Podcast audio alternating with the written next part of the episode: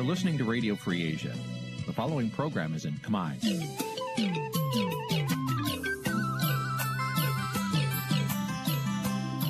Nǐ chi càm bi tiệp xáy vệt chiu a zì sê ray នេះជាកម្មវិធីផ្សាយរបស់ Vithu Azisari ជាភាសាខ្មែរ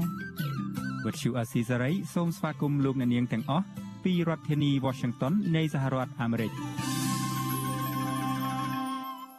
ចាប់ផ្សាយផ្ទាល់ពីរដ្ឋធានី Washington នាងខ្ញុំខែសុណងសូមជម្រាបសួរលោកនាងកញ្ញាប្រិយមិត្តអ្នកស្ដាប់ការផ្សាយរបស់វិទ្យុអាស៊ីសេរីទាំងអស់ជាទីមេត្រីចា៎នាងខ្ញុំសូមជូនកម្មវិធីផ្សាយសម្រាប់យប់ថ្ងៃសៅរ៍14កើតខែមករាឆ្នាំឆ្លូវត្រីស័កពុទ្ធសករាជ2565ដែលត្រូវនឹងថ្ងៃទី18ខែធ្នូគ្រិស្តសករាជ2021ចា៎ជាដំបូងនេះសូមអញ្ជើញលោកនាងស្ដាប់ព័ត៌មានប្រចាំថ្ងៃដែលមានមេត្តាដូចតទៅ thank you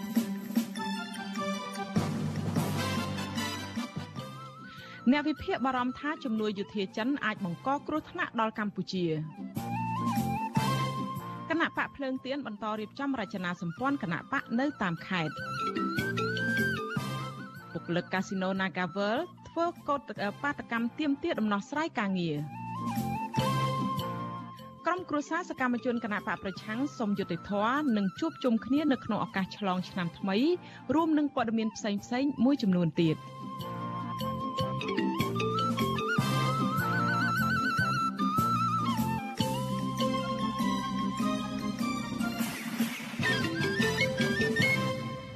ជាបន្តទៅនេះនាងខ្ញុំខែសុណងសូមជូនព័ត៌មានទាំងនេះពឺស្ដា ចាលោកនាងជាទីមេត្រីឯកអគ្គរដ្ឋទូតចិនអះអាងថាចិននៅតែបន្តកិច្ចសហប្រតិបត្តិការយោធាជាមួយកម្ពុជាទោះបីជាសហរដ្ឋអាមេរិកកំពុងដាក់ទណ្ឌកម្មលើផ្នែកយោធាបន្ថែមលើទណ្ឌកម្មរដ្ឋាភិបាលលោកហ៊ុនសែនក៏ដោយអ្នកវិភាគព្រួយបារម្ភថាបញ្ហាយោធាខ្មែរនិងចិននេះអាចនឹងបង្កគ្រោះថ្នាក់ដល់ប្រទេសកម្ពុជា និងរាលដាលដល់ប្រទេសក្នុងតំបន់អាស៊ានថែមទៀតផង ចាប់ពីរដ្ឋធានី Washington លោកសេកបណ្ឌិតរាយការណ៍ព័ត៌មាននេះ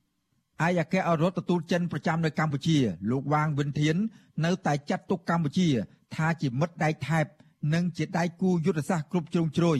ដែលចិនបន្តកិច្ចសហប្រតិបត្តិការយោធាយ៉ាងរឹងមាំជាមួយកម្ពុជាឯកអគ្គរដ្ឋទូតចិនប្រចាំនៅកម្ពុជា លើកឡើងបែបនេះនៅក្នុងពិធីបញ្ចុះបឋមសិលាបើកការដ្ឋានសាងសង់ទីលានបាញ់គ្រាប់ពិតស្ថិតនៅក្នុងខេត្តកំពង់ឆ្នាំងដែលជាជំនួយរបស់ក្រសួងការពារជាតិចិន កាលពីថ្ងៃទី17ខែធ្នូការលើកឡើងបែបនេះរបស់លោកវ៉ាងវិនធានត្រូវបានបង្ហោះលើបណ្ដាញទំនាក់ទំនងសង្គម Facebook នៃស្ថានទូតចិនប្រចាំកម្ពុជាលោកវ៉ាងវិនធានយល់ថាជំនួយផ្នែកយោធានេះគឺជាវេទិកាសំខាន់សម្រាប់កម្ពុជា ក្នុងការពង្រឹងទំនាក់ទំនងបង្កើនមិត្តភាព និងលើកកម្ពស់កិច្ចសហប្រតិបត្តិការកាន់តែស៊ីជម្រៅជាមួយកងទ័ពក្នុងប្រទេសអាស៊ាន។ ឯអគ្គរដ្ឋទូតចិនប្រចាំនៅកម្ពុជារូបនេះក៏ឆ្លៀតឆ្លើយឆ្លងចំពោះទណ្ឌកម្មរបស់សហរដ្ឋអាមេរិកដែលដាក់នៅលើរដ្ឋាភិបាលកម្ពុជាថា ជានយោបាយអំណាចជាបសង្កត់ មានគំនិតលំអៀងនិងគ្មានអនាគតលោកបន្តទៀតថានេះជាការលៀបពណ៌បង្ខូចកេរ្តិ៍ឈ្មោះនៃទំនាក់ទំនងកិច្ចសហប្រតិបត្តិការរវាងកម្ពុជានិងចិនលោកចោទប្រកាន់ថាទណ្ឌកម្មនេះធ្វើយុត្តាធិការហួសដែនកំណត់ផ្ដេសផ្ដាស់ និងជ្រៀតជ្រែកកិច្ចការផ្ទៃក្នុងរបស់កម្ពុជានេះមិនមែនជាលើកទី1ទេ ដែលរដ្ឋាភិបាលឬឯកអគ្គរដ្ឋទូតចិនបញ្ចេញប្រតិកម្មបែបនេះគណៈរដ្ឋាភិបាលសហរដ្ឋអាមេរិកបានដាក់ទណ្ឌកម្មបន្ថែមលើរដ្ឋាភិបាលលោកហ៊ុនសែនហើយចុងក្រោយនេះគឺការរឹតបន្តឹងការលក់អាវុធនិងសម្ភារៈយោធាឲ្យកម្ពុជា ចំណែកលោកនាយករដ្ឋមន្ត្រីហ៊ុនសែនក៏បញ្ជាឲ្យប្រមូលអាវុធនិងសម្ភារៈយោធារបស់អាមេរិកដែលមាននៅកម្ពុជាដុតកំទេចចោល។ ជុំវិញដំណើរវិវត្តនៃបទបញ្ជារបស់លោកហ៊ុនសែនបែបនេះរដ្ឋមន្ត្រីក្រសួងការពារជាតិលោកទាបាញ់បានថ្លែងនៅក្នុងពិធីបើកការដ្ឋានសាងសង់ទីលានបាញ់គ្រាប់ពិតកាលពីថ្ងៃទី17ខែធ្នូថាក្រសួងគ្រងនឹងដុតកំទេចចោលតែអាវុធនិងសម្ភារៈយោធាអាមេរិកដែលប្រើប្រាស់លែងកើតប៉ុន្តែរបស់ដែលនៅអាចប្រើបាន គឺត្រូវរក្សាទុកក្នុងឃ្លាំងនិងសារមន្ទីរ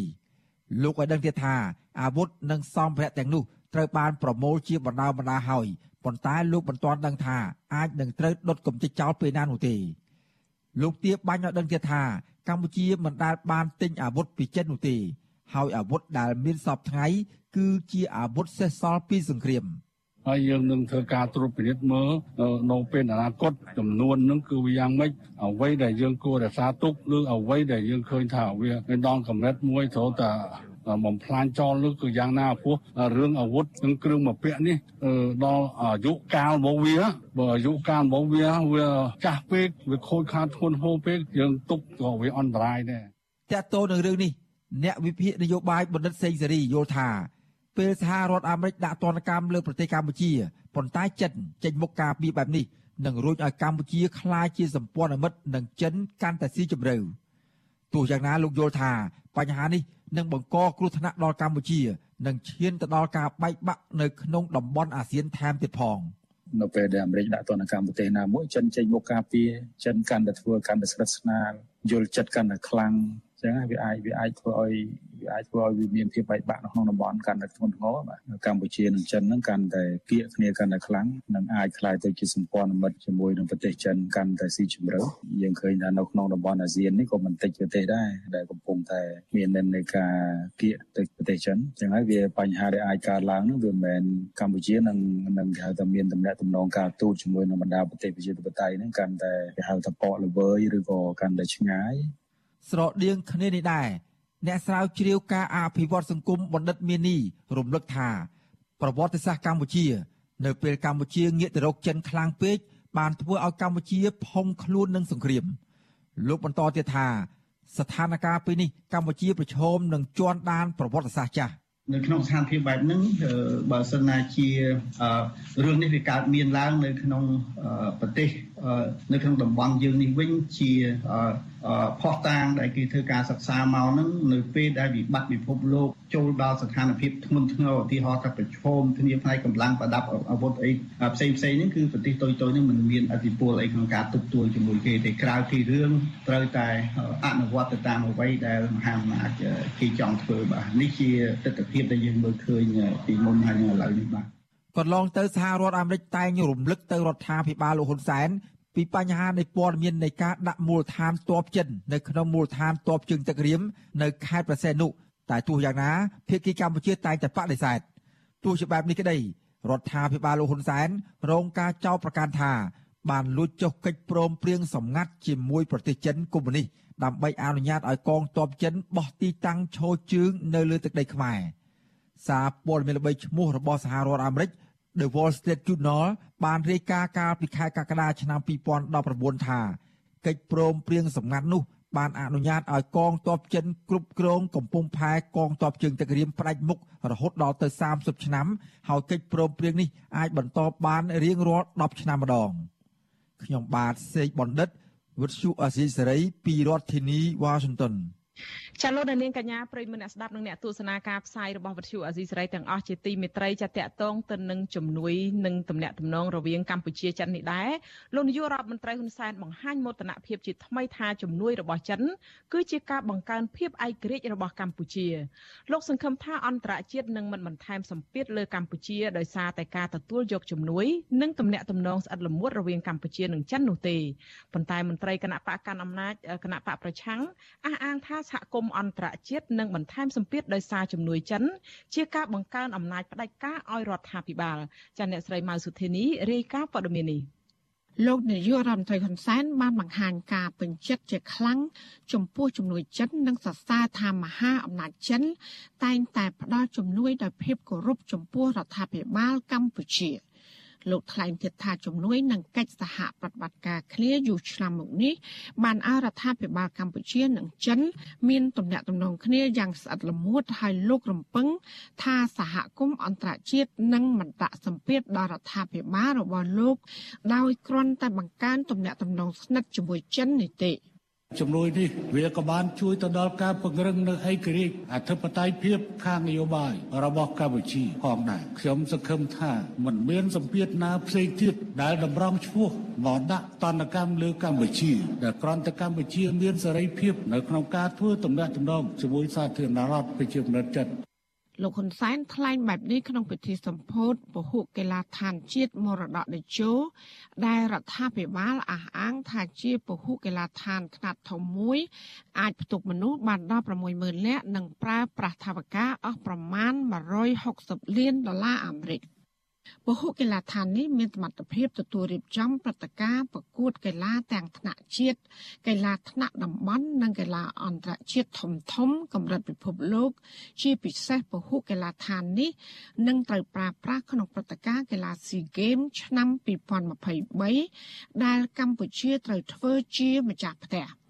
ជំវិញការលើកឡើងរបស់លោកហ៊ុនសែននេះមន្ត្រីគណៈបកប្រឆាំងថាសហគមន៍អន្តរជាតិមិនមែនដាក់សម្ពាធរដ្ឋាភិបាលកម្ពុជាដោយការទទួលជំនួយឬក៏ទំនាក់ទំនងស្អិតល្មួតជាមួយចិននោះទេពួកគេដាក់សម្ពាធដោយទាមទារអរដ្ឋាភិបាលរក្សាជាក្រិតនិងគោរពរដ្ឋធម្មនុញ្ញកម្ពុជា។ មន្ត្រីជាន់ខ្ពស់គណៈបកសង្គ្រោះជាតិលោកងឹមញេងលើកឡើងថាជំនួយរបស់ចិនមិនបានធ្វើឲ្យកម្ពុជាមានភាពឯករាជ្យដូចជាការលើកឡើងរបស់លោកហ៊ុនសែននោះឡើយទៅទៅវិញលោកថាជំនួយរបស់ចិនកន្លងមក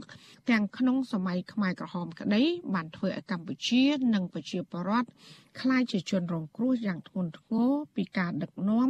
ដែលងាកទៅរកលទ្ធិផ្ដាច់ការ លោកជឿជាក់ថាការងាកទៅស្និទ្ធនឹងចិន ដោយមិនខ្វល់ពីការរំលោភសិទ្ធិមនុស្សនិងប្រជាធិបតេយ្យនឹងធ្វើឲ្យសហគមន៍អន្តរជាតិដាក់សម្ពាធរដ្ឋាភិបាលលោកហ៊ុនសែនបន្ថែមទៀត ចំពោះមុខនេះបើលោកហ៊ុនសែននៅតែជជែកពឹងចិនបានន័យថាទៅបង្កើនកិច្ចសហប្រតិការជាមួយចិនតទៅទៀតហ្នឹងគឺជោគវាសនាប្រជារាស្ត្រខ្មែរជោគវាសនាជាតិខ្មែរហ្នឹងគឺអត់មានវាសនាល្អដោយអ្វីដែលចិនធ្លាប់ការពារជួយរបបកម្ពុជាប្រជាធិបតេយ្យតែយើងហៅថាកំពតពុត កាលពីថ្ងៃទី8ខែធ្នូសហរដ្ឋអាមេរិកបានដាក់ទណ្ឌកម្មបន្ថែមទៀតលើរដ្ឋាភិបាលកម្ពុជាដោយរដ្ឋបတ်ការលក់អាវុធនិងសម្ភារៈយោធាឲ្យកម្ពុជាដោយសារបញ្ហាសិទ្ធិមនុស្សអំពើពុករលួយនិងការកើនឡើងឥទ្ធិពលយោធាចិននៅប្រទេសកម្ពុជា។ នេះគឺជាតនកម្មថ្មីចុងក្រោយបន្ថែមលើតនកម្មដែលសហរដ្ឋអាមេរិកបានដាក់លើមន្ត្រីជាន់ខ្ពស់និងមនុស្សចំណិតរបស់លោកហ៊ុនសែនដែលពាក់ព័ន្ធនឹងអំពើរំលោភសិទ្ធិមនុស្សធ្ងន់ធ្ងរនិងអំពើពុករលួយ ក្នុងគម្រោងស្ថាបនាកំពង់ផែតបជើងទឹករៀមហើយដែលមានការសង្ស័យអំពីវត្តមានកងទ័ពចិន។ តាក់ទងរឿងជំនួយរបស់ចិននេះអ្នកត្រាវជ្រាវផ្នែកភូមិសាស្ត្រនយោបាយលោកវ៉ាន់ម៉ុនណាពន្យល់ថាជំនួយរបស់ចិនភាគច្រើន ដែលផ្ដល់ទៅឲ្យប្រទេសតូចតូចដូចជាកម្ពុជាជាដើមនោះมันបានភ្ជាប់លក្ខខណ្ឌច្រើនដូចជាជំនួយប្រទេសលោកសេរីមួយចំនួន ដែលជាហេតុធ្វើឲ្យមានដឹកនាំទាំងឡាយពេញចិត្តនិងទទួលយក លោកទទួលស្គាល់ថាកម្ពុជាកំពុងត្រូវការជំនួយជាច្រើនដើម្បីយកមកអភិវឌ្ឍហេដ្ឋារចនាសម្ព័ន្ធរបស់ខ្លួនប៉ុន្តែកម្ពុជាគួរតែបង្ហាញដំណាភៀបឲ្យច្បាស់លាស់ពីការប្រើប្រាស់ថវិកាជំនួយឥតសំណងទាំងនោះចំណែកតំណាក់តំណងអន្តរជាតិវិញអ្នកជំនាញរូបនេះយល់ថាកម្ពុជាមិនគួរបង្កើនភាពជិតស្និទ្ធស្អិតល្មួតតែជាមួយចិន ហើយធ្វើប្រងើយកន្តើយជាមួយមហាអំណាចផ្សេងទៀតទេ។ គួរតែព្យាយាមបើកចំហឲ្យមានការចូលវិនិយោគក៏ដូចជាចូលឧបត្ថម្ភសម្រាប់គម្រោងនានាជាពិសេសហេដ្ឋារចនាសម្ព័ន្ធហ្នឹងពីគ្រប់បណ្ដាប្រទេសទាំងសហរដ្ឋអាមេរិកលោកខាងលិចក្តីទាំងចិនក្តីដើម្បីធ្វើយ៉ាងម៉េចបង្ហាញថាកម្ពុជាមិនមែនស្ថិតនៅក្រោមអធិបតេយ្យចិនមួយដាច់មុខទេហើយនេះជាបញ្ហាដែលកម្ពុជាគួរធ្វើរបាយការណ៍របស់ក្រសួងសេដ្ឋកិច្ចនិងហិរញ្ញវត្ថុចេញផ្សាយថាគិតត្រឹមឆ្នាំ2020កម្ពុជាជំរាបរំលលចិនច្រើនជាងគេ គឺជិត4000លានដុល្លារ ឬក៏ស្មើជិត47%នៃបំណុលសរុបដែលកម្ពុជាជំពាក់បរទេសលុយដែលរដ្ឋាភិបាលបានខ្ចីពីចិនភាគច្រើនផ្ដោតលើការអភិវឌ្ឍប្រព័ន្ធធារាសាស្ត្រហេដ្ឋារចនាសម្ព័ន្ធនិងស្ពាន។ ប៉ុន្តែក្រុមអ្នកខ្លំមើលព្រួយបារម្ភថារដ្ឋាភិបាលចាយលុយកម្ចីដោយខ្វះដំណាភាព និងខ្វះកណន័យភាពដែលនាំឲ្យមានអំពើពុករលួយខណៈដែលចិន ចង់ផ្ដាល់កម្ចីនិងជំនួយឥតលក្ខខណ្ឌនានាក្នុងន័យពង្រីកអធិបតេយ្យរបស់ខ្លួននៅកម្ពុជា និងនៅក្នុងតំបន់អាស៊ីប៉ាស៊ីហ្វិកចានយ៉ាងខ្ញុំម៉ៃសុធានីវិទ្យុអាស៊ីស្រីប្រធានាធិបតី Washington ចាលោកនាងជាទីមេត្រីចាតកតងទៅនឹងស្ថានភាពក្រមគ្រួសារមន្ត្រីគណៈបកប្រឆាំងឯនោះវិញក្រមគ្រួសារសកម្មជនគណៈបកប្រឆាំងដែលកំពុងជាប់ឃុំប្រាថ្នាសុំយុត្តិធម៌និងជួបជុំគ្នាឡើងវិញនៅក្នុងឱកាសឆ្លងឆ្នាំសកលពួកគាត់អះអាងថាការដែលតុលាការបន្តអូសបន្លាយពេលវេលាឃុំខ្លួនសកម្មជននយោបាយទាំងគ្មានកំហុសចិត្ត2ឆ្នាំមកនេះគឺជារឿងអយុត្តិធម៌និងជាការធ្វើបាបក្រុមគ្រួសាររបស់ពួកគាត់។ មន្ត្រីនាំពាក្យរដ្ឋាភិបាលឆ្លើយតបថាគ្រួសារសកម្មជនគណៈបកប្រឆាំងគួរតែខិតខំដោះស្រាយតាមផ្លូវតុលាការព្រោះការត្អូញត្អែនឹងការទម្លាក់កំហុសលើរដ្ឋាភិបាលនិងតុលាការមិនអាចជួយអ្នកជាប់ឃុំបានទេចាលោកនាងនឹងបានស្ដាប់សេចក្តីរាយការណ៍នេះពិស្ដានៅពេលបន្តិចទៀតនេះ ចាលោកនាងកញ្ញាជាទីមិត្តរីចាតកតងទៅនឹងរឿងគណៈបកភ្លើងទៀននៅនោះវិញ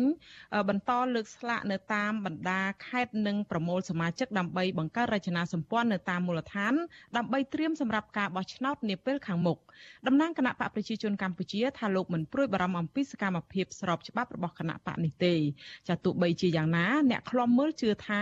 គណៈបកកណ្ដាលអំណាចនឹងមិនបណ្ដោយឲ្យគណៈបកភ្លើងទៀនពង្រីកខ្លួនរហូតក្លាយជាឧបសគ្គធំរបស់ខ្លួននៅថ្ងៃអនាគតនោះឡើយចាប់ពីរដ្ឋធានី Washington លោកយុនសាមៀនរាយការណ៍ព័ត៌មាននេះ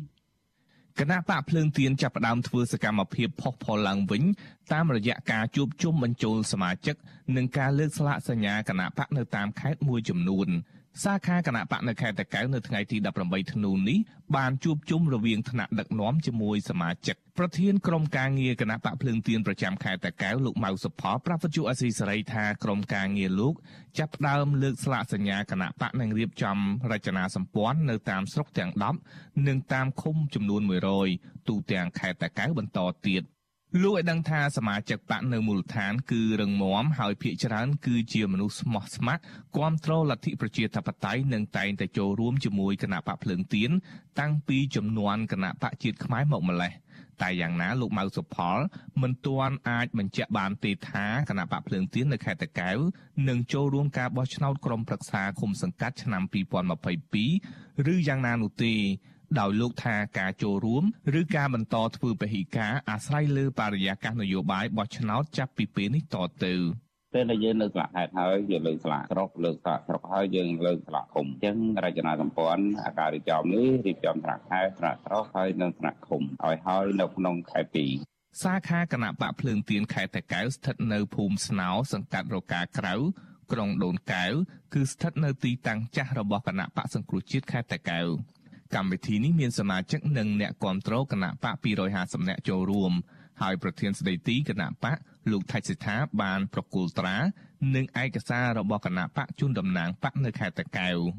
លោកថៃសិដ្ឋាថ្លែងក្នុងកម្មវិធីបើកសាខាបកដោយបន្តលើកទឹកចិត្តឲ្យសមាជិកអ្នកគ្រប់គ្រងនិងពលរដ្ឋតាំងចិត្តឲ្យមុតមមជាមួយគណៈបកភ្លើងទៀនសម្ដៅឈ្មោះទៅរកការបោះឆ្នោតនៅពេលដ៏ខ្លីខាងមុខនេះ។ លោកបញ្ជាក់ថាប្រសិនបើបរិយាកាសនយោបាយល្អប្រសើរហើយសកម្មភាពគណៈបកមិនរងការគំរាមកំហែងទេគណៈបកនឹងចូលរួមការប្រកួតប្រជែងការបោះឆ្នោតក្រុមប្រឹក្សាឃុំសង្កាត់ឆ្នាំ2022និងការបោះឆ្នោតជាតិឆ្នាំ2023 លោកថៃសិដ្ឋារំពឹងថាគណៈបកភ្លើងទៀននឹងជួយឲ្យកម្ពុជាអាចស្ដារលទ្ធិប្រជាធិបតេយ្យនិងលើកកម្ពស់សិទ្ធិមនុស្សឡើងវិញតំណាងគណៈបកកណ្ដាលអំណាចស្វាគមន៍ចំពោះការងើបធ្វើសកម្មភាពឡើងវិញរបស់គណៈបកភ្លើងទៀននៅពេលនេះអ្នកនាំពាក្យគណៈបកប្រជាជនកម្ពុជាលោកសុកអេសានប្រាប់បញ្ជាអាស៊ីសេរីនៅថ្ងៃទី18ធ្នូថាគណៈបករបស់លោកគ្មានបារម្ភចំពោះសកម្មភាពស្របច្បាប់ទាំងឡាយណារបស់គណៈបកភ្លើងទៀនទេ លោកសុកអេសានក៏បានច្រានចោលចំពោះការចោទប្រកាន់ដែលថាការចាប់ខ្លួនសកម្មជនគណៈបកប្រឆាំងដែលត្រៀមចូលជាមួយគណៈបកភ្លឹងទៀននៅខេត្តរតនជ័យលោកសុកវិលជាការគម្រាមកំហែងដល់គណៈបកនយោបាយនិងបរិយាកាសបោះឆ្នោតនៅពេលខាងមុខ បើគ្រាន់តែចូលជាសមាជិកបកដែលទើបបង្កើតថ្មីឬបកចាស់ដែលទទួលស្គាល់ដោយក្រសួងមហាផ្ទៃអត់មានបញ្ហាទេព្រោះជាសិទ្ធិនយោបាយរបស់ពលរដ្ឋចំណុចទី2បើមានរឿងពីមុនមកហើយដឹងខ្លួនថាអញមានរឿងអញរត់ទៅចូលភ្លើងទៀនអានឹងអត់រួចខ្លួនទេទោះបីជាយ៉ាងណាគណៈបកភ្លើងទៀននិងអ្នកឃ្លាំមើលនៅតែព្រួយបារម្ភដោយសារតែពួកគេអះអាងថាបទចោទញុះញង់និងរួមគំនិតក្បត់ប្រឆាំងលោកសុកវិលគឺជារឿងនយោបាយពាក់ព័ន្ធទៅទៅនឹងការបង្កើនសមត្ថភាពនិងសកម្មភាពរបស់គណៈបកភ្លើងទៀននេះដែរអ្នកខ្លំមើលជឿថាគណៈបកកណ្ដាលអំណាចនឹងមិនព្រមបណ្ដោយឲ្យគណៈបកភ្លើងទៀនអាចពង្រីកខ្លួនឲ្យធំធាត់រហូតក្លាយជាការគម្រាមកំហែងដល់ការកាន់អំណាចដោយករណីគណៈបកសង្គ្រោះជាតិបានឡើយ។ អ្នកសិក្សាផ្នែកច្បាប់យុវជនខីពិសីជឿជាក់ថាតាមរយៈប្រជាប្រិយភាពរបស់ក្រុមមេដឹកនាំគណៈបកប្រឆាំងនៅខាងក្រៅប្រទេសគណៈបកភ្លើងទៀនអាចបង្កើនសមត្ថភាពអូសទាញសមាជិកតាមមូលដ្ឋាន និងអ្នកគ្រប់គ្រងបានយ៉ាងលឿនបំផុត លោកបន្តថាប្រសិនបើគណៈបកកណ្ដាលអំណាចចិត្តសឿងហ៊ានបណ្ដោយឲ្យគណៈបកភ្លើងទៀនធ្វើសកម្មភាពមែននោះគណៈបកនេះនឹងឈ្នះបានអាសនៈក្រុមប្រឹក្សាគុំសង្កាត់ច្រើនដោយគណៈបកសង្គ្រោះជាតិដែរគណៈបកកណ្ដាលអំណាចអាចនឹងមិនប្រែបដោយទេព្រោះមានមេរៀនមួយដែលធ្លាប់ឃើញហើយគឺប្រែបដោយឲ្យគណៈបកសង្គ្រោះជាតិយកសម្លេងឃុំមួយចំនួនធំបាទលើពាក់កណ្ដាលហើយគឺ400ឃុំជាងកាលពីឆ្នាំ2017អានឹងយើងមើលឃើញជាមេរៀនមួយដែលអាចទាញបានកណ្ដាលអំណាចគាត់មានការព្រួយបារម្ភណា ចាប់តាំងពីធ្វើសមាជនៅចុងខែវិច្ឆិកាមកគណៈបកភ្លើងទៀនបានធ្វើសកម្មភាពយ៉ាងផុសផុលទាំងការជួបជុំសមាជិកអ្នកគ្រប់គ្រងផ្ទាល់និងតាមបណ្ដាញសង្គម Facebook គណៈបកនេះលើកស្លាកសញ្ញាបកចំនួន5ខេត្តហើយគឺខេត្តកំពង់ធំសៀមរាបកណ្ដាលព្រៃវែងនិងខេត្តតាកែវបច្ចុប្បន្នតំណាងបកនៅខេត្តទាំង5កំពុងធ្វើសកម្មភាពលើកស្លាកគៀកោនិងប្រមូលអ្នកគ្រប់គ្រងបកតាមស្រុកនិងឃុំ ដោយឡែកតាមគម្រោងក្នុងខែធ្នូនេះគណៈបកភ្លឹងទៀននឹងបន្តជួបជុំសមាជិកលើកស្លាកគណៈបកនៅតាមខេត្តមួយចំនួនទៀតដូចជាខេត្តព្រះសីហនុកំពង់ចាមត្បូងឃ្មុំ បាត់ដំបងបៃលិនជាដើមខ្ញុំយុនសាមៀនវិទ្យុអាស៊ីសេរីប្រធានាធិបតី Washington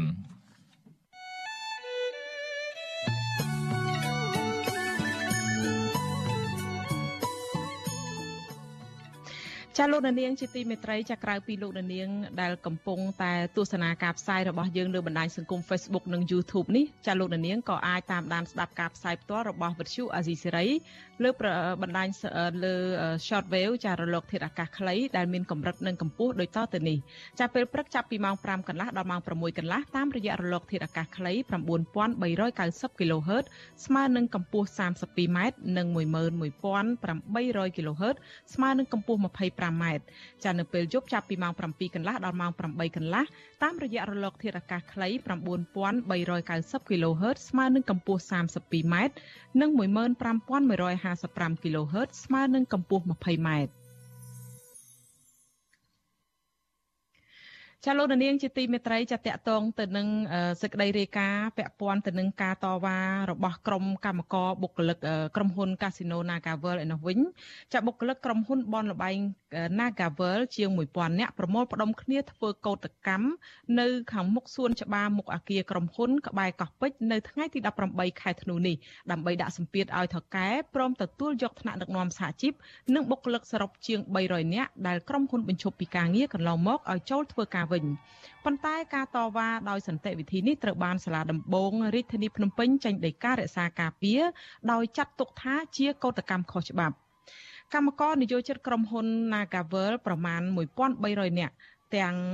អ្នកនៅបម្រើការងារនិងអ្នកត្រូវបានក្រុមហ៊ុនបញ្ឈប់ពីការងារនាំគ្នាឈរលើកបដាស្រែកតវ៉ាទាមទារឲ្យថកែក្រុមហ៊ុនបនលបៃមួយនេះព្រមទទួលយកកម្មករនិងថ្នាក់ដឹកនាំសហជីពសរុបជាង300នាក់ឲ្យចូលធ្វើការវិញ និងបញ្ឈប់ការរើសអើងមកលើសហជីពតទៅទៀត។ បដាដែលក្រុមកោតតកលើកនៅក្នុងពេលតវ៉ានៅថ្ងៃទី18ធ្នូនេះគឺមានសរសេរជាភាសាខ្មែរអមដោយភាសាអង់គ្លេសនៅពីខាងក្រោមដែលមានខ្លឹមសារថា Nagavel ត្រូវគោរពច្បាប់ការងារការទៀមទាសេរីភាពសហជីពមិនមែនជាបទឧក្រិដ្ឋទេចាបុគ្គលិកម្នាក់ដែលធ្វើការផ្នែក gaming ចាអស់រយៈពេល25ឆ្នាំដែលត្រូវបានក្រុមហ៊ុនបញ្ឈប់ពីការងារព្រមជាមួយនឹងភរិយា កាលពីខែឧសភា គឺលោកសេងវ៉ាន់រិទ្ធថ្លែងថាការមិនព្រមទទួលយកបុគ្គលិកជាង300នាក់ឲ្យចូលធ្វើការវិញនេះគឺបង្ហាញឲ្យឃើញថាជាចេតនារបស់ក្រុមហ៊ុន ចង់លុបបំបាត់វត្តមានថ្នាក់ដឹកនាំសហជីពនិងបុគ្គលិកជាសមាជិកសហជីពចេញពីការងារ។ លោកបន្តថាហេតុផលដែលក្រុមហ៊ុនលើកឡើងនៅក្នុងគម្រោងបញ្ឈប់បុគ្គលិកកាលពីពេលកន្លងទៅគឺដោយសារតែវិបត្តិជំងឺ Covid-19 គឺជារឿងមិនពិតព្រោះថានៅក្នុងអំឡុងពេលតវ៉ានោះក្រុមហ៊ុននៅតែរកប្រាក់ចំណេញបានរាប់លានដុល្លារហើយបើកការដ្ឋានសាងសង់អគារទី3ដោយគ្មានអក្ខារនោះឡើយបុគ្គលិកវ័យ45ឆ្នាំដែលមានកូន2នាក់នៅក្នុងបន្ទុកគ្រួសាររូបនេះស្នើសុំរដ្ឋាភិបាលជួយអន្តរាគមន៍ទៅភាគីក្រុមហ៊ុនបើកការចរចាទទួលយកពួកគាត់ឲ្យចូលធ្វើការវិញនិងទទួលស្គាល់វត្តមានរបស់សហជីពនៅក្នុងក្រុមហ៊ុនឡើងវិញបាទជាដំបូងខ្ញុំស្នើសុំឲ្យក្រុមហ៊ុននឹងទទួលយកពួកយើងខ្ញុំទាំងអស់គ្នាទាំង365ហ្នឹងចូលធ្វើការវិញហើយជួយស្នើសុំឲ្យក្រសួងពាក់ព័ន្ធទាំងអស់ជួយធ្វើការអន្តរាគមន៍ឲ្យពួកខ្ញុំនឹងបានចូលបម្រើការងារវិញទាំងអស់គ្នាផង បាទសប្តាហ៍ថ្ងៃគឺយើងប្រឈមបញ្ហាជីវភាពគឺយើងប្រឈមខ្លាំងបាទដោយសារយើងពីអ្នកប្រយោជន៍ទប់តែធ្វើការបានប្រាក់ចំណូលចាំខែដល់ពេលក្រុមហ៊ុនប្រជុំអញ្ចឹងគឺបាត់ប្រាក់ចំណូលបាទហើយយើងមិនអាចទៅរកការងារណាផ្សេងបានទេអញ្ចឹងគឺយើងប្រឈមខ្លាំងប្រឈមតាមមួយយើងត្រូវមានបងធនាគារបងអីទៀតបាទប្រាក់ចំណាយទៀតកូនរៀនទៀតគឺយើងប្រឈមខ្លាំងមែនទែន ចាស្របពេលដែលក្រុមហ៊ុនដែលក្រុមកោតកោស្រ័យតវ៉ាទាមទាររកដំណោះស្រាយស្រាប់តែមានមន្ត្រីតុលាការក្រុងភ្នំពេញអមដោយអាជ្ញាធរផង បានចេញមកប្រកាសដីការ រក្សាការពារមួយដែលចេញដោយចៅក្រមលោករស់ពិសិដ្ឋហាមមិនអោយពួកគាត់បន្តធ្វើកោតកម្មតទៅទៀតទេ ដោយចាត់ទុកថាកោតកម្មនេះគឺជាការខុសច្បាប់ ដូច្នេះយើងសម្រេចអនុវត្តតាមអំណាចនៃដីកាសម្រេចចាត់ចែងជាបណ្ដោះអាសន្នលេខ524តដល់រចុះថ្ងៃទី16ខែធ្នូឆ្នាំ2021បន្តសាលាដំបងរាជធានីភ្នំពេញដែលមានកំសាដូចតទៅមួយ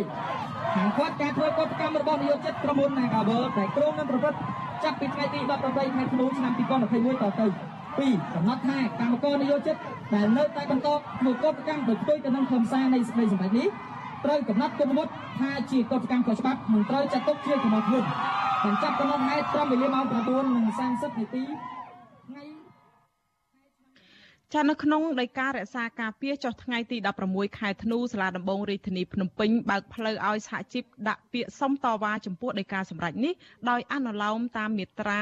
550នៃក្រមនីតិវិធីរដ្ឋបវេនីចាវិទ្យុអាស៊ីសេរីមិនអាចសុំការបកស្រាយបន្ថែមអំពីរឿងនេះពីអ្នកនាំពាក្យសាលាដំបងរាជធានីភ្នំពេញលោកអ៊ីរិនបានទេនៅថ្ងៃទី18ខែធ្នូដោយទូរស័ព្ទហៅចូលតែពុំមានអ្នកទទួលប្រធានសហជីពត្រួតត្រងសិទ្ធិការងារបុគ្គលិកកម្មករខ្មែរនៃក្រុមហ៊ុន Naga World កញ្ញាឈឹមស៊ីធចាត់ទុកដីការបស់សាលាដំបងរាជធានីភ្នំពេញនេះថាជារឿងមិនអាចទទួលយកបាននិងអយុត្តិធម៌ចំពោះកម្មករនយោជិកដែលត្រូវក្រុមហ៊ុនបញ្ឈប់ពីការងារដោយមិនផ្ដល់សំណងត្រឹមត្រូវតាមច្បាប់កញ្ញាបញ្ជាក់ថាការធ្វើកោតកម្មដោយសន្តិវិធីនេះគឺកើតចេញពីការបោះឆ្នោតក្នុងចំណោមកម្មករនយោជិតជិត2000នាក់ ពីពួកគាត់ដែលបានកំពុងស្វែងរកដំណោះស្រាយវិវាទការងារនេះតាមផ្លូវច្បាប់គ្រប់ជំហានអស់រយៈពេលជាង8ខែមកហើយតែនៅតែគ្មានដំណោះស្រាយណាមួយពីក្រសួងការងារកញ្ញាឈឹមស៊ីធយល់ថាដីកាតុលាការនេះគឺជាការដាក់សម្ពាធដល់ក្រុមកម្មករឲ្យបោះបង់សិទ្ធិតវ៉ារកដំណោះស្រាយការងារដោយសន្តិវិធី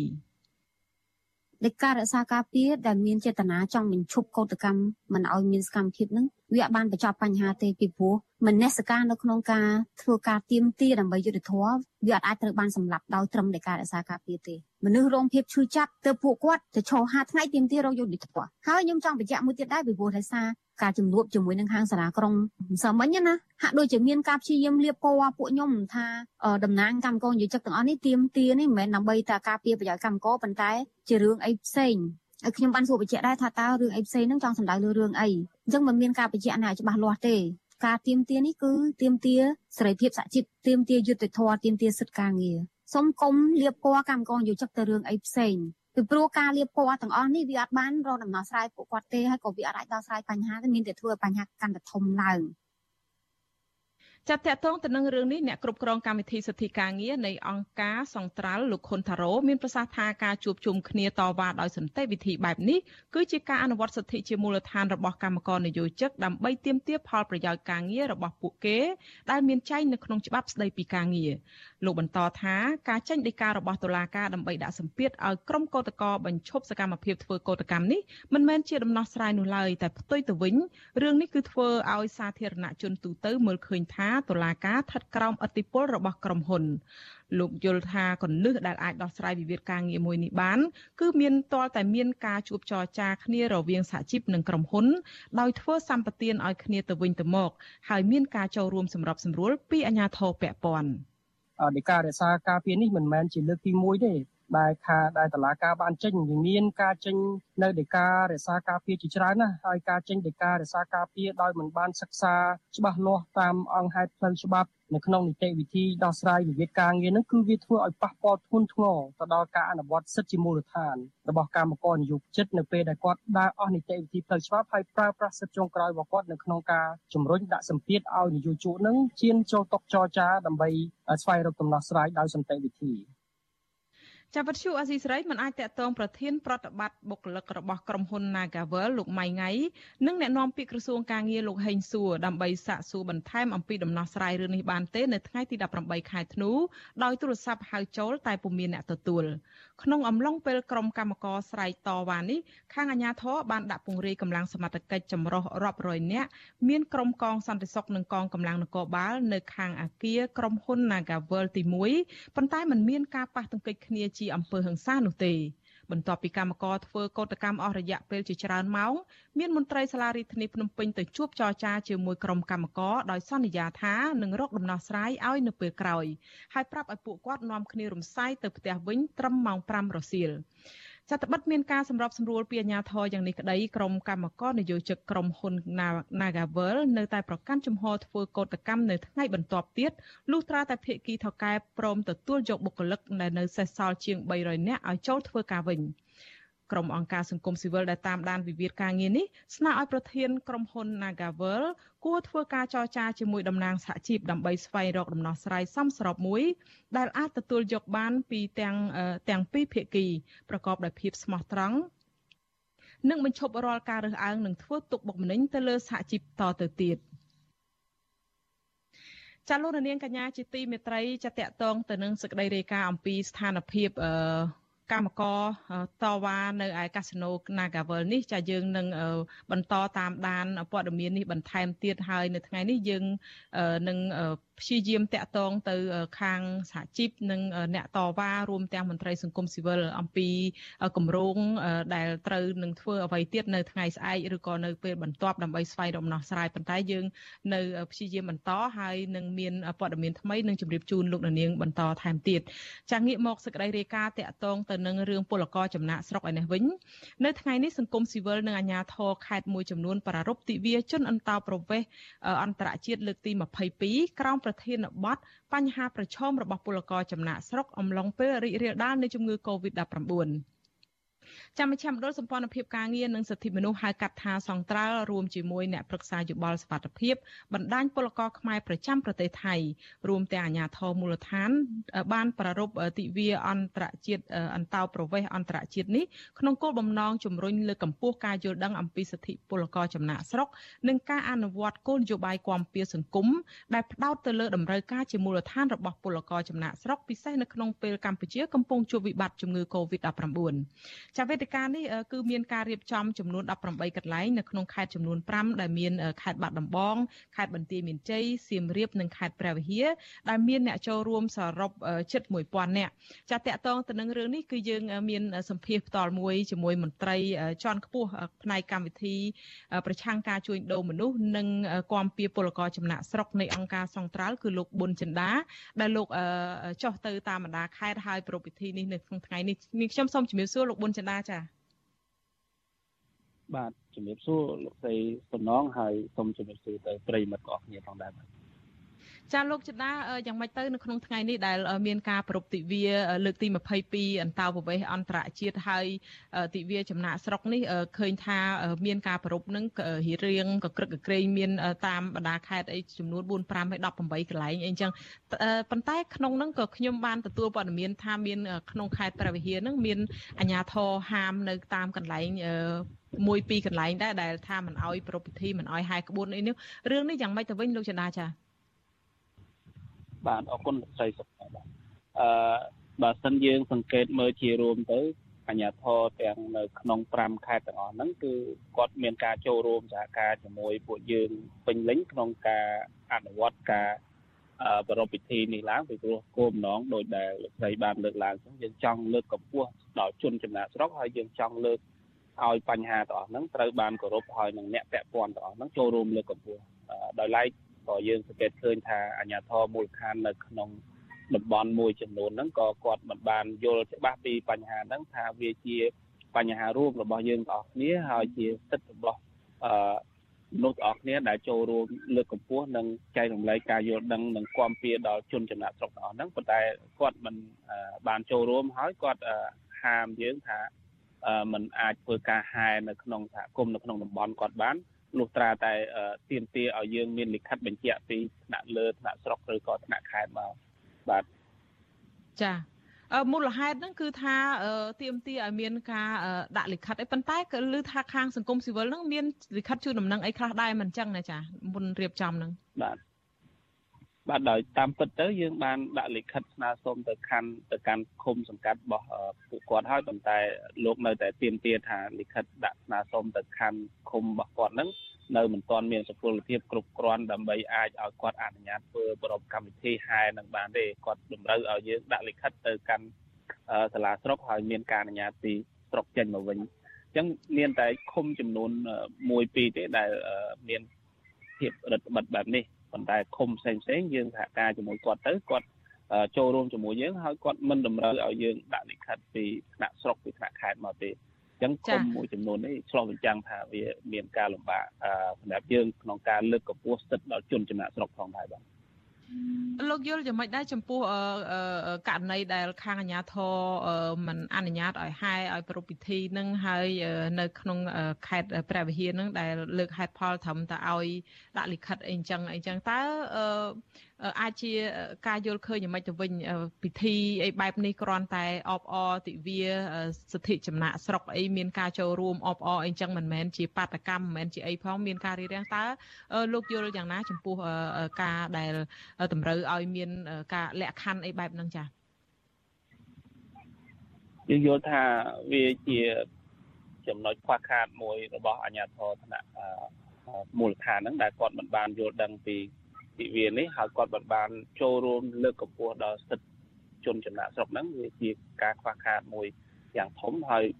មិនត្រឹមតែខ្វះខាតគាត់មិនបានអនុវត្តនៅគោលនៅការចូលរួមនេះប៉ុន្តែគាត់ធ្វើឲ្យវាមានភាពស្មុគស្មាញក្នុងការដែលអង្គការសង្គមស៊ីវិលជួយលើកកម្ពស់ជួយគាំពៀហើយជួយដល់ជនចំណាក់ស្រុកអញ្ចឹងវាមានការលំបាកដល់ពួកយើងក្នុងការជួយបញ្ហានេះដែរ ហើយយើងចង់ឲ្យពួកគាត់បានយល់ថានេះមិនមែនជាកម្មវិធីរបស់អង្គការមិនមែនជាកម្មវិធីរបស់ជនឬក៏គណៈបកនយោបាយណាមួយទេប៉ុន្តែវាជាកម្មវិធីមួយវាជាវេទិកាមួយដើម្បីជួយដល់ប្រជាពលរដ្ឋដើម្បីជួយដល់ជនចំណាក់ស្រុកហើយវាជាកតាបតិចហើយវាជារឿងដែលខាងរដ្ឋាភិបាលក៏ដូចជាអាជ្ញាធរពាក់ព័ន្ធហ្នឹងត្រូវចូលរួមផងដែរបាទ ចាលោកចិន្តាមួយវិញទៀតឥឡូវងាកទៅរឿងស្ថានភាពពលករចំណាក់ស្រុកលោកដែលធ្វើការផ្ទាល់ជាមួយពលករចំណាក់ស្រុកនេះលោកបានជ្រាបហើយថាជារៀងរាល់ថ្ងៃតែងតែមានសេចក្តីរាយការណ៍មានការផ្សព្វផ្សាយព័ត៌មានអំពីស្ថានភាពពលករខ្មែរយើងដែលនៅតែបន្តលួចឆ្លងដែនទៅធ្វើការនៅឯប្រទេសថៃនឹងហើយត្រូវអាជ្ញាធរទាំងសងខាងទាំងថៃទាំងកម្ពុជានឹងតែងតែចាប់បញ្ជូនមកវិញហើយក៏មានទាំងមេខ្យល់អីចាប់ទៅដល់បញ្ជូនទៅតុលាការឃុំខ្លួនឃុំអីនឹងពិន័យលុយអីជាច្រើនផងទៀតដែលពួកគាត់ទាំងអស់ហ្នឹងកំពុងតែចេញទៅហ្នឹងគឺអំណះអំណាងតែមួយទេថាស្វែងរកការងារធ្វើនៅពេលដែលគាត់ត្រឡប់ពីថៃមកវិញដោយសារតែថៃបិទនៅពេលដែលមានការទប់ស្កាត់ការរីករាលដាលជំងឺ Covid-19 ខ្លាំងហើយសេដ្ឋកិច្ចឬក៏ខាងរោងចក្រកន្លែងមុខរបរការងារហ្នឹងមិនដំណើរការនោះហើយពួកគាត់មកវិញឥឡូវនេះបានរត់ទៅវិញថ្មីត្បិតតែដឹងថាទៅឆ្លងមេរោគហើយនឹងមានភាពបថុយប្រឋានតើស្ថានភាពនៅក្នុងពេលបច្ចុប្បន្ននៅក្នុងការងារក្នុងស្រុកឬក៏ស្ថានភាពពួកគាត់ដែលមកវិញហ្នឹងឥឡូវយ៉ាងម៉េចទៅហើយលោកចាហេតុអីបានគាត់នៅតែបន្តទៅដោយបថុយបែបនេះចាបាទអរគុណលោកស្រីសម្បត្តិបាទឆ្លងកាត់ការសិក្សាហើយនឹងការធ្វើការជាមួយនឹងអ្នកចំណាក់ស្រុកដែលបានវិលត្រឡប់មកវិញក្នុងស្ថានភាពដែលមានការរីករាលដាល COVID-19 នេះហើយតាំងពីពេលកន្លងមកដែរអ្នកដែលគាត់វិលត្រឡប់មកវិញក្នុងស្ថានភាព COVID-19 យើងឃើញថាពួកគាត់វិលត្រឡប់មកដោយគ្មានជំរើសដោយភាពតល់ច្រកហើយគាត់ វិលត្រឡប់មកក្នុងពេលនោះគាត់ជួបបញ្ហាជាច្រើននៅក្នុងប្រទេសខ្មែរយើងពេលគាត់វិលត្រឡប់មកទីមួយគឺគាត់គ្មានប្រាក់ចំណូលអីនៅសេសសល់ទេពីព្រោះគាត់ត្រឡប់មកវិញដោយការដែលបាត់បង់ការងារឬក៏គេប្រឈប់ការងារឬក៏គេចាប់បញ្ជូនទីពីរពេលគាត់ត្រឡប់មកវិញគាត់មិនអាចរកការងារធ្វើបាននៅស្រុកខ្មែរទេពីព្រោះពួកគាត់អឺខ្វះជំនាញផងដែរហើយការងារនៅក្នុងស្រុកខ្មែរក៏មិនសម្បូរសម្រាប់ពួកគាត់ផងដែរទី3ទៀត ស្ថានភាព COVID-19 ហ្នឹងវាមានការរីករាលដាលធំខ្លាំងនៅក្នុងប្រទេសខ្មែរការងារហ្នឹងកាន់តែចុះថយធ្វើឲ្យពលកម្មការងារហ្នឹងខ្វះខាតសម្រាប់ពួកគាត់អញ្ចឹងជាមូលហេតុគាត់ត្រូវសំពាក់បំណុលធនាគារហ្នឹងមួយចំណែកធំផងទៀតអញ្ចឹងគាត់គ្មានជំរើសក្នុងការស្វែងរកប្រាក់ចំណូលគាត់បង្ខំចិត្តធ្វើចំណាក់ស្រុកត្រឡប់ទៅប្រទេសថៃម្ដងទៀតចឹងហើយពេលគាត់ចំណាក់ស្រុកទៅប្រទេសថៃម្ដងទៀតក្នុងគ្រាដែលគេបិទព្រំដែននៅឡើយចឹងគាត់ជួបបញ្ហា ដែលខុសច្បាប់គាត់មិនមានឯកសារគ្រប់គ្រាន់អញ្ចឹងពេលគាត់ទៅដល់ធ្វើការនៅប្រទេសថៃនោះក្នុងពេលដែលគាត់ធ្វើការគឺมันមានការងារដែលយើងហៅថាលក្ខណៈ MOU ស្របច្បាប់ទេគឺជាការងារដែលយើងហៅថាការងារតាមរដូវការងារប្រចាំថ្ងៃឬក៏ការងារម៉ៅការអញ្ចឹងការងារប្រភេទនេះគឺมันមានប្រាក់ចំណូលទៀងទាត់ហើយគាត់មិនមានឯកសារស្របច្បាប់ដូច្នេះហើយគាត់ភ័យភ័យនឹងបាត់បង់ការងារនឹងផងភ័យនឹង ត្រូវគេចាប់ខ្លួនដោយសារឯកសារស្របមិនស្របច្បាប់នឹងផងហើយពេលជាមួយគ្នានឹងដែរគាត់មិនបានប្រាក់ចំណូលសមរម្យដូចដែលពេលដែលគាត់ធ្វើការស្របច្បាប់ទេពីព្រោះពេលធ្វើការមិនស្របច្បាប់មានការងារមិនទៀងទាត់ហើយពេលគាត់បានប្រាក់ចំណូលមិនសមរម្យគាត់ត្រូវរឹតបន្តឹងទៅលើការចំណាយរបស់គាត់ដែលប៉ះពាល់ដល់សុខភាពគាត់ជាខ្លាំងគាត់ចំណាយលើការហូបចុកការស្នាក់នៅត្រូវរដ្ឋបတ်ចឹងវាជាការប្រឈមមួយខ្លាំងបំផុតចំពោះពួកគាត់បាទ ចាលោកប៊ុនចិន្តាសំណួររបស់នាងខ្ញុំចង់ក្រោយតកតងទៅនឹងស្ថានភាពពលករនេះទៅវិញនៅពេលដែលដោយអ្វីដែលលោកបានលើកឡើងនេះតើខាងរដ្ឋាភិបាលគួរតែផ្ដល់ដំណោះស្រាយយ៉ាងម៉េចគួរតែមានវិធានការយ៉ាងម៉េចដើម្បីជួយសម្រួលដល់ពួកគាត់ដែលវិលត្រឡប់មកវិញមានការកិច្ចគាំពៀសង្គមមួយបែបណាទៅចា៎បាទចំពោះវិធានការយើង គិតថាមានតែផ្នែករដ្ឋាភិបាលទេហើយចំពោះដៃគូពាក់ព័ន្ធមិនមែនថាមិនជួយប៉ុន្តែវាមានទំហំធំយើងមិនអាចជួយបានគ្រប់ជ្រុងជ្រោយចឹងយើងសង្ឃឹមថារដ្ឋាភិបាលនឹងចូលរួមជួយដោះស្រាយដល់ពួកគាត់ចំពោះអ្នកដែលវិលត្រឡប់មកវិញនឹងអឺយើងមានកិច្ចគាំពៀសង្គមដែលអាចជួយក្នុងចំណែកណាមួយសម្រាប់ពួកគាត់ដែលអាចដោះស្រាយបញ្ហាលំបាកក្នុងគ្រាបន្ទាន់ហើយជាស្ថិរភាពយើងចង់ឲ្យប្រទេសយើងស្រុកខ្មែរយើងនឹងមាន ឱកាសការងារហើយមានការបណ្ដុះបណ្ដាលវិជ្ជាជីវៈដល់ពួកគាត់ដែលគាត់ខ្វះវិជ្ជាជីវៈហើយនឹងមិនមានលទ្ធភាពអាចរកការងារបានហ្នឹងឲ្យមានការងារធ្វើគ្រប់គ្រាន់នៅក្នុងប្រទេសហើយយើងចង់លើកកម្ពស់វិស័យកសិកម្មពីព្រោះពួកគាត់គាត់មានបទពិសោធន៍នឹងឆ្លងកាត់ការធ្វើនៅក្នុងការធ្វើស្រែចម្ការគាត់រយៈពេលយូរមកហើយដែរបាទចា៎ចំពោះបញ្ហានៅប្រទេសថៃវិញយើងចង់ឲ្យយើងមិនលើកទឹកចិត្តថាឲ្យគាត់ទៅចំណាក់ស្រុកនៅប្រទេសថៃទេឬក៏ប្រទេសផ្សេងទេប៉ុន្តែ ក្នុងគ្រាដែលគាត់មិនមានជំរឿហើយគាត់សម្រេចចិត្តថាធ្វើបែបនេះយើងចង់ឲ្យរដ្ឋាភិបាលទាំងពីរភាគីពិសេសពិសេសរដ្ឋាភិបាលខ្មែរយើងពន្លឿនការចរចាជាមួយនឹងរដ្ឋាភិបាលថៃដើម្បីអនុវត្តការបញ្ជូនពលករទៅធ្វើការនៅប្រទេសថៃដោយស្របច្បាប់ដោយមានការគាំពៀហើយនឹងលើកកម្ពស់ឲ្យបានប្រសើរជាងមុនផងដែរបាទ ចាអរគុណច្រើនលោកប៊ុនចិន្តាដែលលោកបានចូលរួមនៅក្នុងការផ្ដល់សម្ភារសម្ភារបន្ថែមជុំវិញទិវាចំណាក់ស្រុកពលករហើយនិងស្ថានភាពពលករនេះសូមអរគុណនិងជំរាបលាលោកត្រឹមប៉ុណ្ណេះសិនចាបាទជំរាបលាលោកស្រីជំរាបលាប្រិយមិត្តអរគ្នាផងបាទ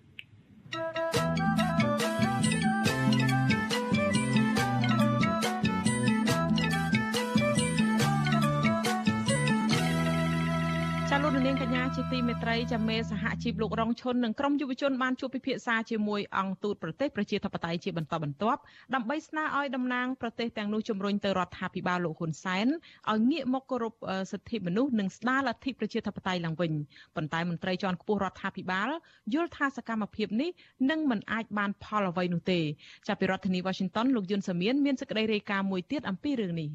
ប្រធានសហភាពសហជីពកម្ពុជា CCU លោករងជុនបានជួបជាមួយឯកអគ្គរដ្ឋទូតសហរដ្ឋអាមេរិកលោក Patrick Murphy និងឯកអគ្គរដ្ឋទូតសហភាពអឺរ៉ុបអ្នកស្រី Carmen Moreno និងតំណាងស្ថានទូតអូស្ត្រាលីចាប់តាំងពីថ្ងៃទី10ធ្នូដល់ថ្ងៃទី17ធ្នូ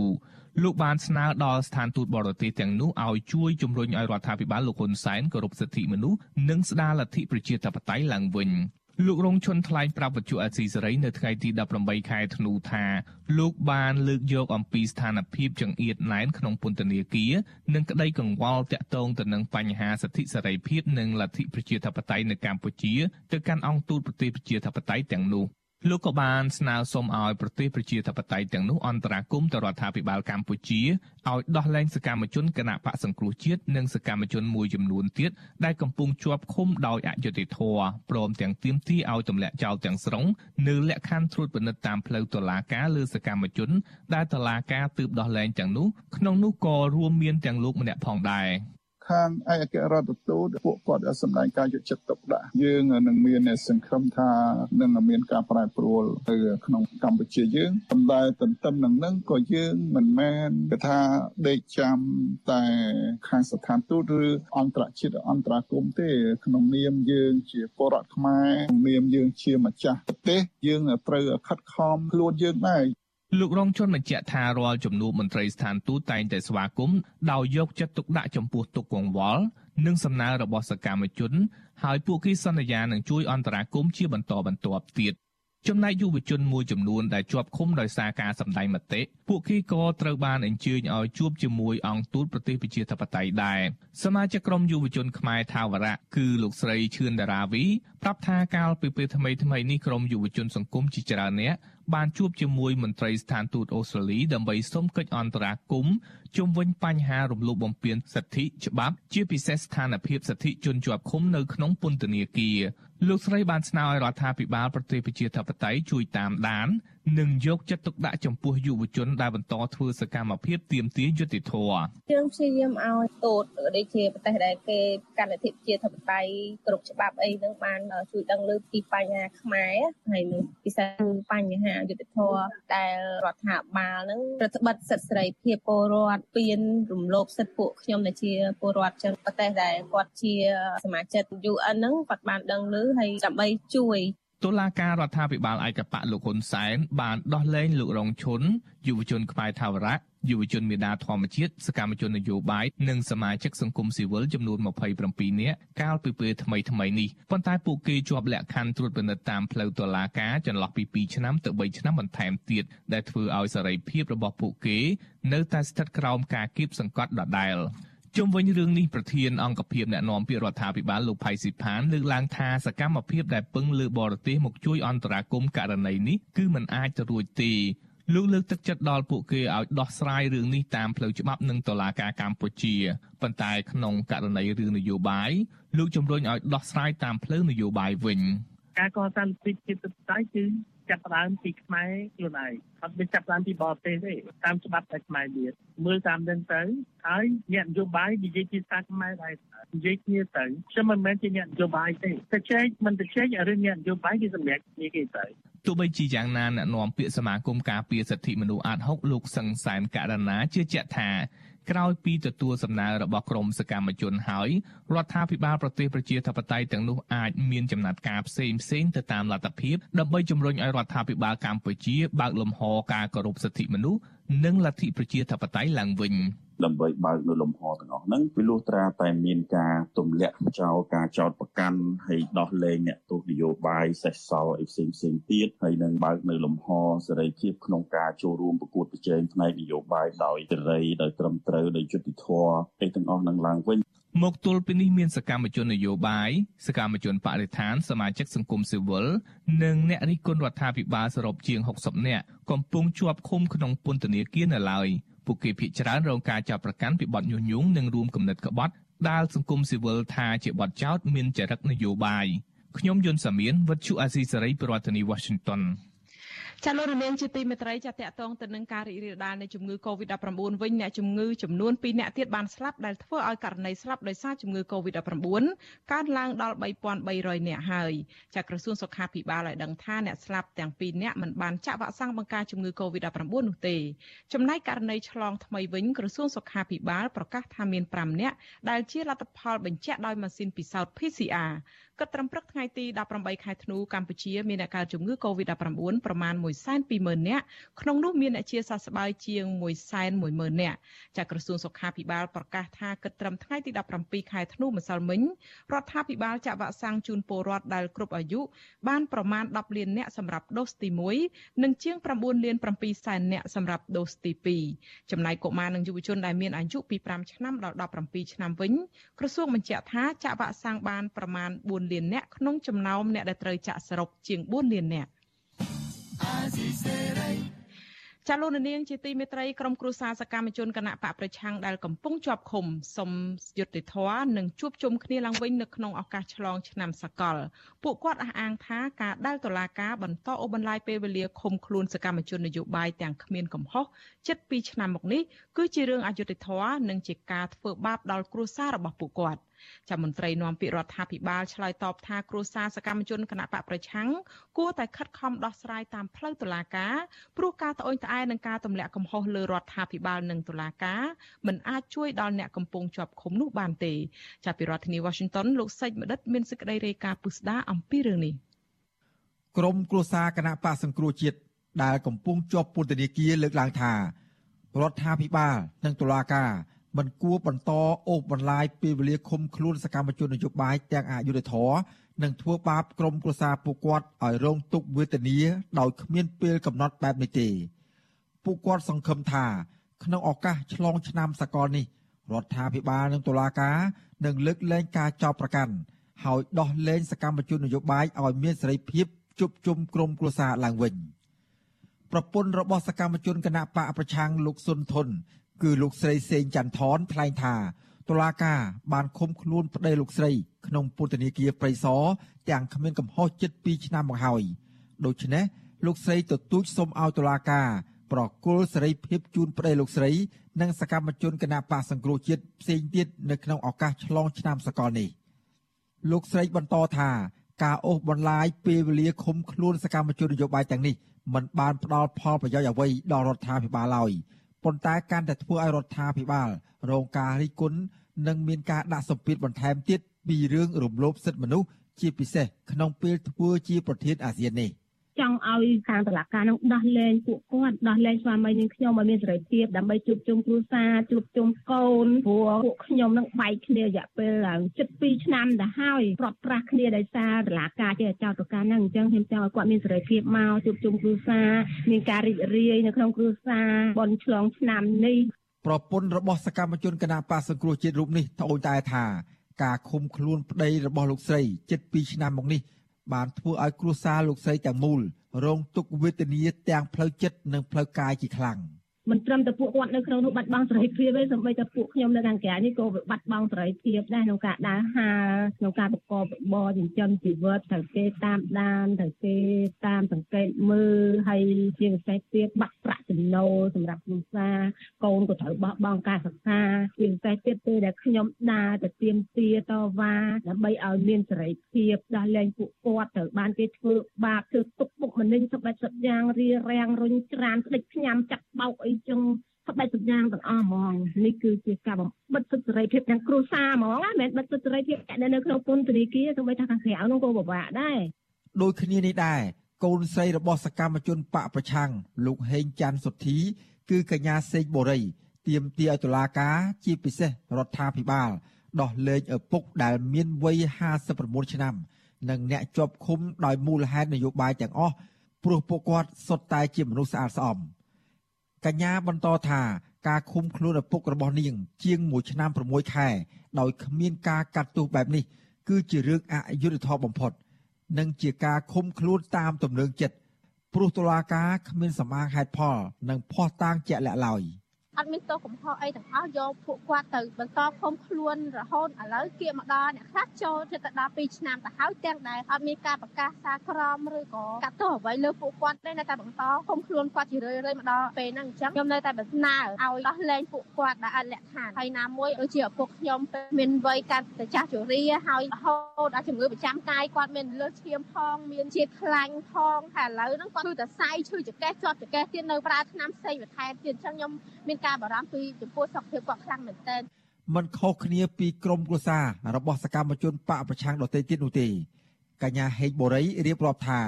ការឃុំខ្លួនឪពុករបស់នាង ទាំងអយុធធម៌បែបនេះ បានបង្កការឈឺចាប់និងផ្ដល់ផលលំបាកដល់គ្រួសារទាំងមូល ពួកខ្ញុំជួបប្រទះការលំបាកខ្លាំងមែនតើពីថាការចាប់ឪពុកខ្ញុំម្នាក់ដូចជាឃុំក្រុមគ្រួសារខ្ញុំទាំងមូលចឹងព្រោះគាត់គឺជាជំហរដ៏រឹងមាំមួយសម្រាប់គ្រួសារពេលដែលអត់ពីឪពុកខ្ញុំទៅគឺខ្ញុំត្រូវយកពាក់ធនាគារត្រូវសង់ធនាគារផងថ្លៃការចាយវាហងមកលើប្រចាំកាយហើយក៏មិនមានប្រាក់សម្រាប់ការបន្តការសិក្សាហើយណាមួយឪពុកខ្ញុំឈឺនៅខាងក្នុងពន្ធនាគារផងខ្ញុំត្រូវរកថវិកាក៏ដូចជាទិញថ្នាំពេទ្យដើម្បីផ្គត់ផ្គង់គាត់ចឹងពួកខ្ញុំជួបប្រទះការលំបាកខ្លាំងមែនតើគ្រប់ពេលដែលពួកខ្ញុំចេញទៅទៀមទាតវ៉ាម្ដងម្ដងគឺតែតែមានការគម្រាមកំហែងក៏ដូចជាប្រើប្រាស់ជាអំពើហិង្សាទាំងផ្លូវកាយទាំងផ្លូវចិត្តគ្រប់បែបយ៉ាងមានទាំងជីកតាមគ្រប់សពបែបយ៉ាងមកលើពួកខ្ញុំជាពិសេសដែលពួកខ្ញុំជាស្ត្រីភេទគឺពួកខ្ញុំទទួលយកបានទេគិតត្រឹមថ្ងៃទី18ខែធ្នូឆ្នាំ2021មានសកម្មជនគណៈបកសង្គ្រោះជាតិជាង60នាក់ទៀតកំពុងជាប់ឃុំនៅក្នុងពន្ធនាគារពួកគាត់ភ័យច្រើន ត្រូវបានអាជ្ញាធរចាប់ឃុំខ្លួនជាបន្តបន្ទាប់កាលពីដើមឆ្នាំ2020តុលាការបានចោទប្រកាន់ពួកគេទាំងនោះដោយដូចគ្នាពីបទរួមគំនិតក្បត់ញុះញង់ឲ្យយោធិនមិនស្ដាប់បង្គាប់និងញុះញង់ឲ្យប្រព្រឹត្តបទអក្រិតជាអាតមកទល់នឹងពេលនេះតុលាការមិនទាន់កាត់ក្តីសំណុំរឿងរបស់ពួកគាត់រួចរាល់នៅឡើយទេវិទ្យុអាស៊ីសេរីនៅពុំទាន់អាចសុំការឆ្លើយតបរឿងនេះ ពីអ្នកនាំពាក្យអាយកាអមសាលាដំបងរាជធានីភ្នំពេញលោកប្លង់សុផលនិងប្រធានសាលាដំបងរាជធានីភ្នំពេញលោកតាំងសុនឡាយបានទេដោយទូរស័ព្ទចូលពុំមានអ្នកទទួលចំណែកប្រធានអង្គភិបអ្នកនាំពាក្យរដ្ឋាភិបាលលោកផៃស៊ីផានវិញលោកឆ្លើយតបថាប្រសិទ្ធបើគ្រួសារសកម្មជនបកប្រឆាំងជឿតាមសង្គមស៊ីវិលនិងសហគមន៍អន្តរជាតិហើយលៀបពណ៌មកលើរដ្ឋាភិបាលនិងតុលាការគឺมันអាចជួយអ្នកជាប់ឃុំបានទេ លោកណែនាំថាមធ្យោបាយដែលអាចជួយជន់ជាប់ឃុំបាន គឺមេធាវីត្រូវខិតខំដោះស្រាយតាមផ្លូវតុលាការហើយបន្ទាប់មកពួកគេអាចសរសេរលិខិតស្នើសុំទៅលោកនាយករដ្ឋមន្ត្រីហ៊ុនសែនមេធាវីជួយការពីក្តីឲ្យជនទាំងអស់នោះគាត់យល់ច្បាស់គាត់ចេះអានភាសាខ្មែរច្បាស់ថារកមធ្យោបាយណា ដើម្បីជួយអ្នករងគ្រោះហ្នឹងឲ្យចាក់ចេញពីពន្ធនាគារហើយក៏អង្គការមិនមែនរដ្ឋាភិបាលបើសិនមានគោលបំណងជួយគាត់ ស្រួលអានភាសាខ្មែរមានរបៀបពីដោះស្រាយទោះយ៉ាងណាក្រមគ្រួសារសកម្មជនបកប្រឆាំងនិងមន្ត្រីសង្គមស៊ីវិលអះអាងថា សំណុំរឿងដែលមានលក្ខណៈនយោបាយបែបនេះទោះបីជាមេធាវីពូកែនិងខិតខំតស៊ូដោះស្រាយតាមនីតិវិធីច្បាប់បែបណាក្តីក៏មិនអាចទទួលបានយុត្តិធម៌ពីតុលាការដែលស្ថិតនៅក្រោមអធិបុលនយោបាយដែរអ្នកសិក្សាផ្នែកច្បាប់លោកវ៉នចាន់ឡូតលើកឡើងថា ប្រព័ន្ធតុលាការកម្ពុជាមិនទាន់មានឯករាជ្យភាពដាច់ឆ្ងាយពីបកនយោបាយនោះទេដូច្នេះហើយទើបអ្នកនយោបាយបកប្រឆាំងបន្តរងគ្រោះជាបន្តបន្ទាប់លោកបន្តថាប្រទេសដែលមាននីតិរដ្ឋនិងប្រជាធិបតេយ្យពិតប្រាកដគឺគេមិនប្រើប្រព័ន្ធតុលាការដើម្បីដាក់ទោសទណ្ឌទៅលើអ្នកនយោបាយដែលគ្រាន់តែប្រើប្រាស់វោហារស័ព្ទនយោបាយនិងបញ្ចេញមតិរិះគន់រដ្ឋាភិបាលនោះឡើយអ្នកសិក្សាផ្នែកច្បាប់រូបនេះជំរុញឲ្យគណៈបកកាន់អំណាច គួរតែមានអធិស្ឋានខ្ពស់សម្រាប់អ្នកនយោបាយខ្មែរដូចគ្នាដើម្បីផលប្រយោជន៍ជាតិនិងប្រជាពលរដ្ឋរដ្ឋាភិបាលខ្ញុំគិតថាគួរតែក្លាហានហ៊ានធ្វើសម្បទាននយោបាយពីព្រោះការធ្វើសម្បទានឬក៏អធិស្ឋាននយោបាយវាមិនមែនឆ្លុះបញ្ចាំងតែខ្លួនអន់ខ្លួនខ្សោយអីទេវាឆ្លុះបញ្ចាំងអំពីភាពនៃការធ្វើនយោបាយបែបចាស់ទុំរបស់អ្នកនយោបាយហ្នឹងបាទ ទី2រឿងនយោបាយយើងទៅតវ៉ាទៅតស៊ូមតិផ្នែកច្បាប់ក៏វាអត់អាចទៅរួចដែរហើយសង្គមកម្ពុជាយើងមើលឃើញថាតើមានដែលបញ្ហានយោបាយណាមួយដែលត្រូវបានដោះស្រាយតាមប្រព័ន្ធតុលាការដោយយុត្តិធម៌វាអត់ដែលមានគឺមានតែអ្នកនយោបាយចរចាគ្នាត្រូវរើគ្នាហើយដឹកដៃគ្នាទៅលេងអង្គរឬក៏ទៅណាទៅនេះហើយស្ថានភាពនយោបាយវាល្អប្រសើរគឺយើងឃើញតែប៉ុណ្្នឹងក្រុមអង្គការជាតិនិងអន្តរជាតិជាច្រើនស្ថាប័ន រួមទាំងទីភ្នាក់ងារអង្គការសហប្រជាជាតិផង បានចេញផ្សាយរបាយការណ៍ជាបន្តបន្ទាប់ស្ដីពីការធ្លាក់ចុះដុនដាបលើវិស័យសិទ្ធិមនុស្សនៅកម្ពុជា ចាប់តាំងពីតុលាការកំពូលរំលាយគណៈបកសង្គ្រោះជាតិកាលពីចុងឆ្នាំ2017មករបាយការណ៍ទាំងនោះរកឃើញប្រហាក់ប្រហែលគ្នាថាអាញាធររដ្ឋាភិបាលបន្តចាប់ឃុំខ្លួនសមាជិកគណៈបកប្រឆាំងនិងសកម្មជនសង្គមឥតលហែ និងបានចោទប្រកាន់ពួកគេដោយគ្មានមូលដ្ឋាន និងការបកស្រាយច្បាប់តាមទំនឹងចិត្តដើម្បីបំបិទសិទ្ធិសេរីភាពជាមូលដ្ឋានរបស់ប្រជាពលរដ្ឋពួកគេតែងតែអំពាវនាវឲ្យរដ្ឋាភិបាលប្រគល់សេរីភាពជូនអ្នកកំពុងជាប់ឃុំក្នុងសំណុំរឿងនយោបាយនោះឡើងវិញបើពុំដូច្នោះទេក្រមប្រទេសលោកសេរីនឹងពង្រីកទណ្ឌកម្មបន្ថែមទៀតក្នុងនោះក៏រួមមានទាំងទណ្ឌកម្មលើមន្ត្រីក្រាក់ក្រាក់របស់រដ្ឋាភិបាល ជាលក្ខណៈបុគ្គលផងដែរ ខ្ញុំបាទសេកបណ្ឌិតវិទ្យុអាស៊ីសេរីពីរដ្ឋធានីវ៉ាស៊ីនតោន